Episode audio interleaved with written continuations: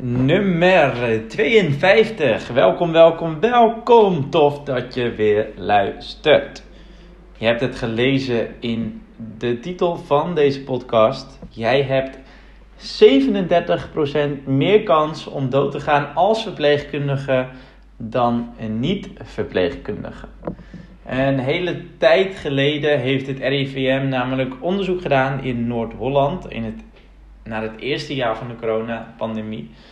En dat luidde als volgt. Mensen die soms of regelmatig s'nachts werken hebben 37% meer kans om positief te testen op het coronavirus dan mensen die alleen overdag werken. Hierbij is rekening gehouden met verschillen tussen nachtwerkers en mensen die alleen overdag werken, zoals verschillen in beroep, thuiswerken en contact met anderen tijdens het werk. Gedurende het onderzoek waren er nog geen vaccins beschikbaar en gingen er eerdere varianten dan de Delta- en Omicron variant van het virus rond. Nou, je hoort het misschien al aan de stem. Ehm, ik vind het helemaal geen leuk onderwerp dit. Maar waar ik naartoe ga vind ik wel een leuk onderwerp. Dus vandaar dat ik het met je bespreek. Dit, dit is natuurlijk helemaal totaal niet nieuw. Hè? Voordat, voordat je denkt, hey, wat een interessant inzicht. Ehm, het RIVM die deelt dit. Um, maar goed, ik loop een beetje op de zaak vooruit. Ze gaan namelijk verder. Al langer is bekend dat werken in de nacht leidt tot een verstoord dag-nachtritme. Dit verklaart mogelijk waarom nachtwerkers meer risico hebben op ziekten zoals hart- en vaatziekten en diabetes. Ook lijkt er een relatie te zijn tussen nachtwerk en infectieziekten. De afgelopen tijd gaven onderzoeksgroepen over de hele wereld aan dat nachtwerkers mogelijk een hoger risico lopen op een coronabesmetting. Het RIVM heeft dat toen onderzocht in de regio Noord-Nederland. De resultaten sluiten aan bij de eerdere studies naar het verband tussen nachtwerk en infectieziekten. Het onderzoek geeft aanleiding om inzichtelijk te maken welke maatregelen kunnen helpen om besmetting te voorkomen, speciaal voor deze groep. Daarnaast is het van belang om onderzoek te blijven doen naar de relatie tussen nachtwerk en infectieziekten, omdat nieuwe virusvarianten en epidemieën kunnen ontstaan. Nou, fantastisch. Echt fantastisch. Maar voordat ik uh, helemaal erin duik en uh, ja, kniediep in mijn eigen rant uh, stap. Ten eerste, dit is een oud artikel en een oud onderzoek. Ik weet even niet precies van wanneer het is, um, maar het is wel al een tijdje geleden. Ten tweede, je hebt natuurlijk niet 37% meer kans om dood te gaan, wat wel natuurlijk de titel is van deze podcast. Um, en misschien toen je dit dacht, dacht je, oh shit, nee, wat erg, kutzooi. Um, je gaat wel eerder dood als je nachtdienst werkt als verpleegkundige. Volgens mij is dat um, ongeveer vijf jaar als je al die jaren in de nachtdienst blijft werken. Maar goed, dat is ja, ook weer een ander verhaal. Um, maar ik heb die titel zo genoemd om ja, simpelweg op je angst voor corona te drukken. Als je die angst tenminste nog hebt. Uh, die angst heb ik zelf niet gevoed. Mogelijk is die nog wel. Ik heb die angst in het begin ook gehad, toen het allemaal net begon. Daar heb ik nu helemaal niks meer van. Um, ik kan me goed voorstellen dat nou, die angst gaat misschien weer bij aangewakkerd worden. Ik durf echt wel, als ik nu naar het nieuws te kijken, ga er maar vanuit dat we in de winter weer in een dikke vette lockdown zitten. Um, dan ben je er maar vast op voorbereid. Dan kan je je ook voorbereiden op dat er weer heel veel corona shit gaat gebeuren en heel veel patiënten um, in je instelling of in het ziekenhuis of waar je ook werkt terecht gaan komen en dat er weer strenge maatregelen gaan komen. Normaal gesproken ben ik niet zo van dit soort boodschappen, maar ja, dit is gewoon wel de realiteit die gaat gebeuren, dus daar kan je je maar beter op instellen. En doen alsof het niet gaat gebeuren, ja, dat is hetzelfde als je kop in het zand steken in dit geval. Misschien denk je nu, nou Thomas, dat kan je helemaal niet weten. Nou, stuur me over een aantal maanden nog een keer een berichtje. Uh, ik heb heel graag ongelijk, dus dan mag je me ook echt daadwerkelijk een berichtje sturen. Hierop wijzen dat ik, dat ik dit tegen je gezegd heb. Um, ja, dus laat het me vooral weten. Maar waar ik het met je over wil hebben is het effect van slaap. Heb ik het vaker over gehad. Volgens mij. Ik heb je vaker tips gegeven. Maar wat me zo stoort is dat dit artikel een officieel artikel is. Het komt van het RIVM, het is een officieel onderzoek. En dan lees ik dus dingen als dit verklaart mogelijk en er lijkt een relatie te zijn tussen nachtwerk en infectieziekte.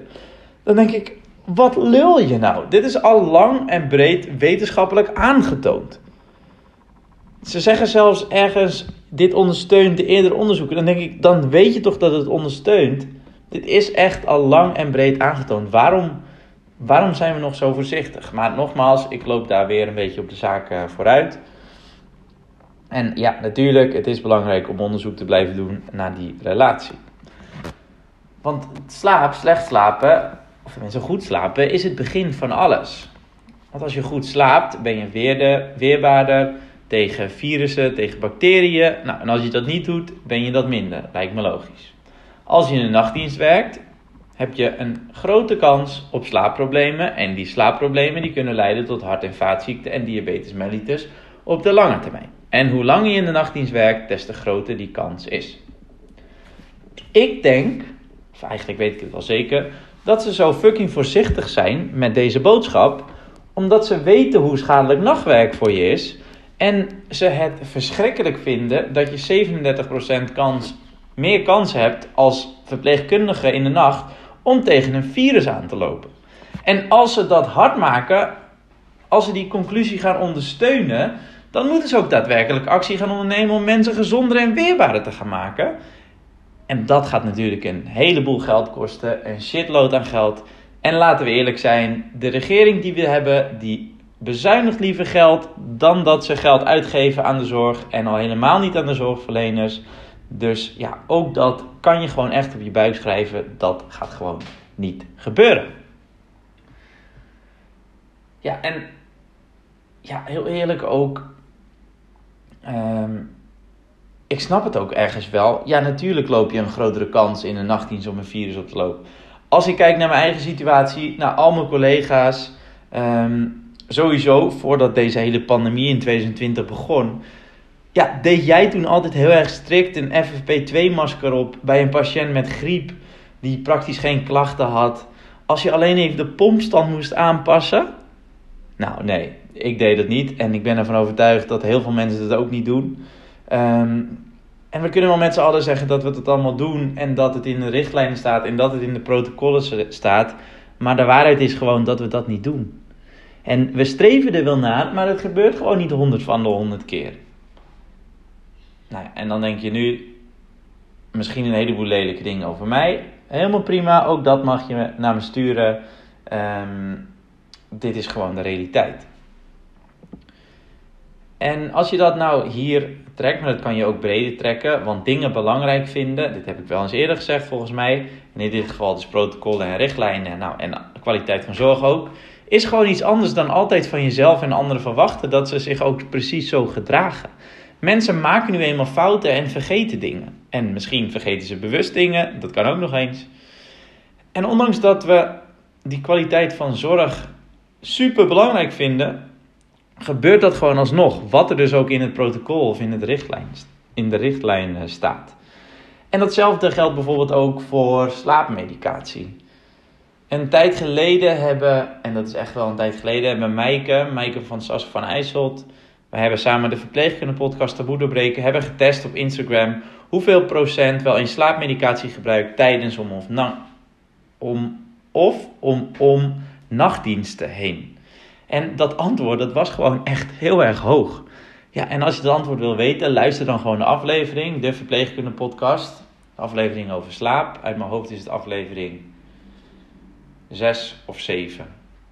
En ja, ik durf wel te beweren dat het percentage nog veel hoger is, omdat mensen gewoon niet toe durven te geven dat het zo is. Want als je dat namelijk toegeeft, dan zou het kunnen betekenen dat je dus die benzo's meeneemt uit de medicijnkamer. En dat mag natuurlijk niet, want als ze erachter komen, dan nemen ze gewoon je big van je af. Dus mensen stemmen volgens mij veel eerder op nee, omdat je je big wilt behouden. Nou, dat ze dus niet willen investeren in gezondheid en weerbaarheid, dat zei ik net eigenlijk ook al. Ja, ik vind het belachelijk. Ehm, want volgens mij willen we juist dat verpleegkundigen weerbaar zijn. Toch? En volgens mij wil jij ook juist weerbaar zijn tegen virussen, bacteriën, pijn, angst. Als je, nou, wat er ook overkomt, dus tegen, tegen tegenslagen zodat als dat je overkomt, en geloof me dat het gebeurt is een zekerheid, er gebeurt altijd shit in je leven, dat je daar ook daadwerkelijk weerbaar en veerkrachtig bent. En dat als dat dan een keer gebeurt en als je dat een keer hebt meegemaakt en dat gebeurt nog een keer, dat je lichaam, je geest of je ziel het herkent. En dat je dan dus, dus nog een keer die veerkracht die je eerder hebt opgebouwd kan inzetten. Of dat nou een bacterie, een virus of nou een van die andere dingen is die ik net genoemd heb. Want eerlijk hè, dit is echt een, nou ja, dit wil ik gewoon, ben ik gewoon echt benieuwd naar. Denk je nou echt dat je altijd en overal tegen beschermd kan worden? Dat weerbaarheid voor alles en altijd van buiten afkomt. Dat je overal vaccinaties voor kan krijgen. Um, dat je altijd daardoor beschermd kan worden. En ja, dat je dus ook ja, dat je altijd maar beschermd kan worden door je familie of je vrienden of je ouders of je werkgever of je collega's. Ja, en dat je dan dat je dus nooit meer moeite hoeft te doen om weerstand op te bouwen. En ik weet het, we, ja, we leven in een wereld van overvloed natuurlijk. Um, want je kan nu zelfs op de vanaf de bank kan je, je boodschappen bestellen. En ja, je hoeft niet meer te sporten. Je kan een e-bike kopen in plaats van een normale, normale fiets. Je kan altijd confrontaties uit de weg blijven gaan. Je kan eindeloos blijven swipen, zodat het gras altijd groener lijkt aan de, uh, hoe heet het ook weer, aan de overkant. Ja, en als je dan verwacht dat je alsnog krijgt wat je wilt en voldoening en zingeving uit je leven haalt. Nou, kijk, als je dat verwacht, dan zou ik zeggen, dan hoef je deze podcast ook echt niet meer verder te luisteren. Dan hoef je ook geen andere podcast meer van me te luisteren. Want dan is de boodschap die ik verkondig echt niet de boodschap voor jou. Um, ja, en dan kan je denk ik beter gewoon lekker op je telefoon gaan swipen. Dat meen ik serieus. Want zo werkt de wereld niet. Misschien hoop je dat de wereld zo werkt. Ook als je hoopt dat de wereld zo werkt of dat die ooit zo gaat werken. Ook dan lekker blijven swipen. Niet meer deze podcast luisteren. Um, want dan heb je gewoon helemaal niks aan mijn boodschap en de dingen die ik zeg. Want het, ja, dat is misschien hoe sommige mensen denken dat de wereld werkt. En ze hebben volgens mij ook daadwerkelijk het gevoel dat het voor ze werkt.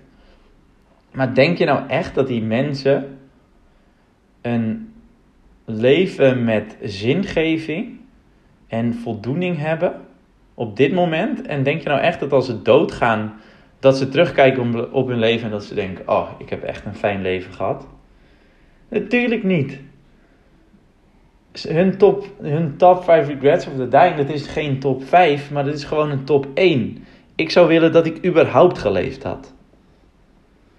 En om nog even terug te komen op die, ja, die diabetes en uh, hart- en vaatziekten, dat zijn welvaartsziektes. Hetzelfde als overgewicht en obesitas. Ze worden door veel verschillende dingen veroorzaakt. En ja, een van die dingen is slecht slapen.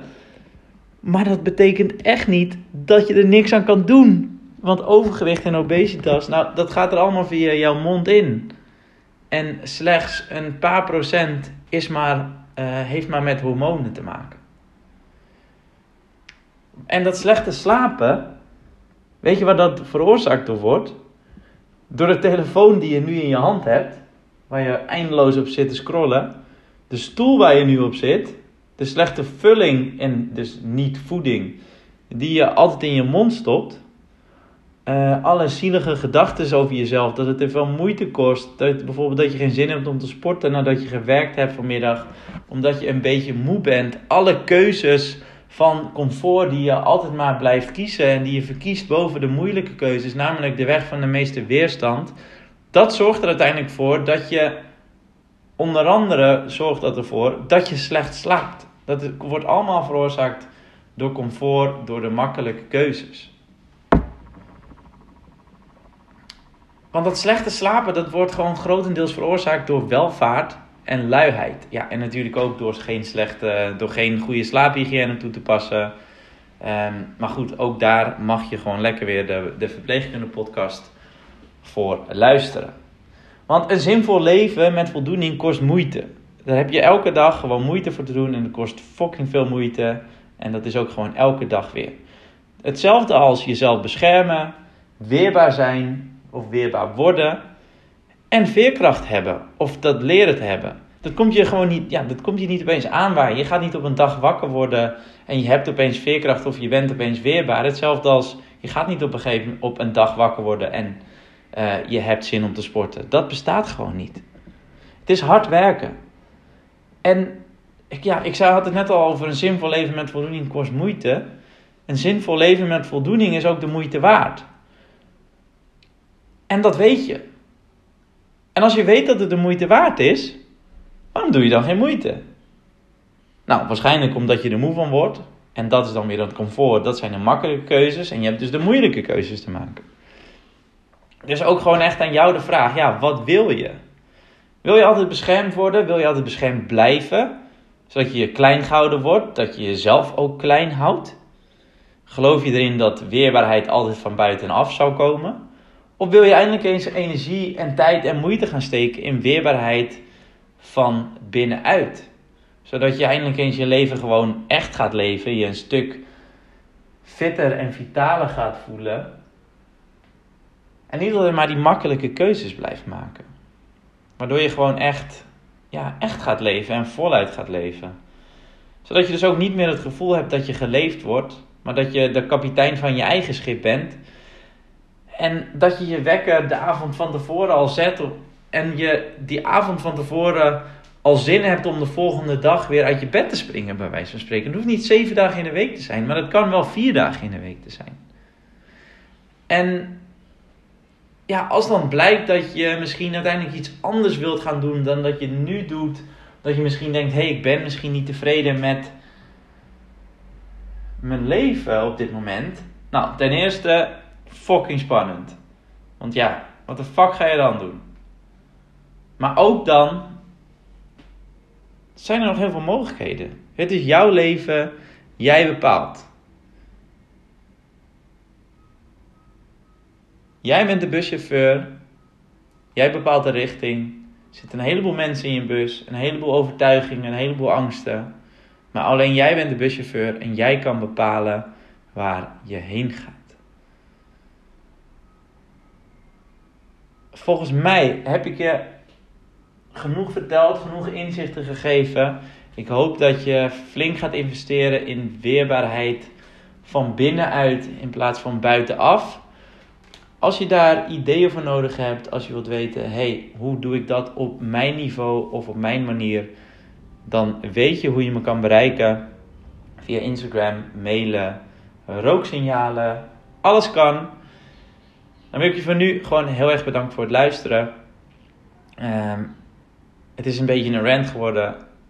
Ik heb volgens mij een aantal keer gescholden, misschien ook wel een van de eerste keer. Maar goed, bedankt voor het luisteren en ik spreek jou de volgende keer weer.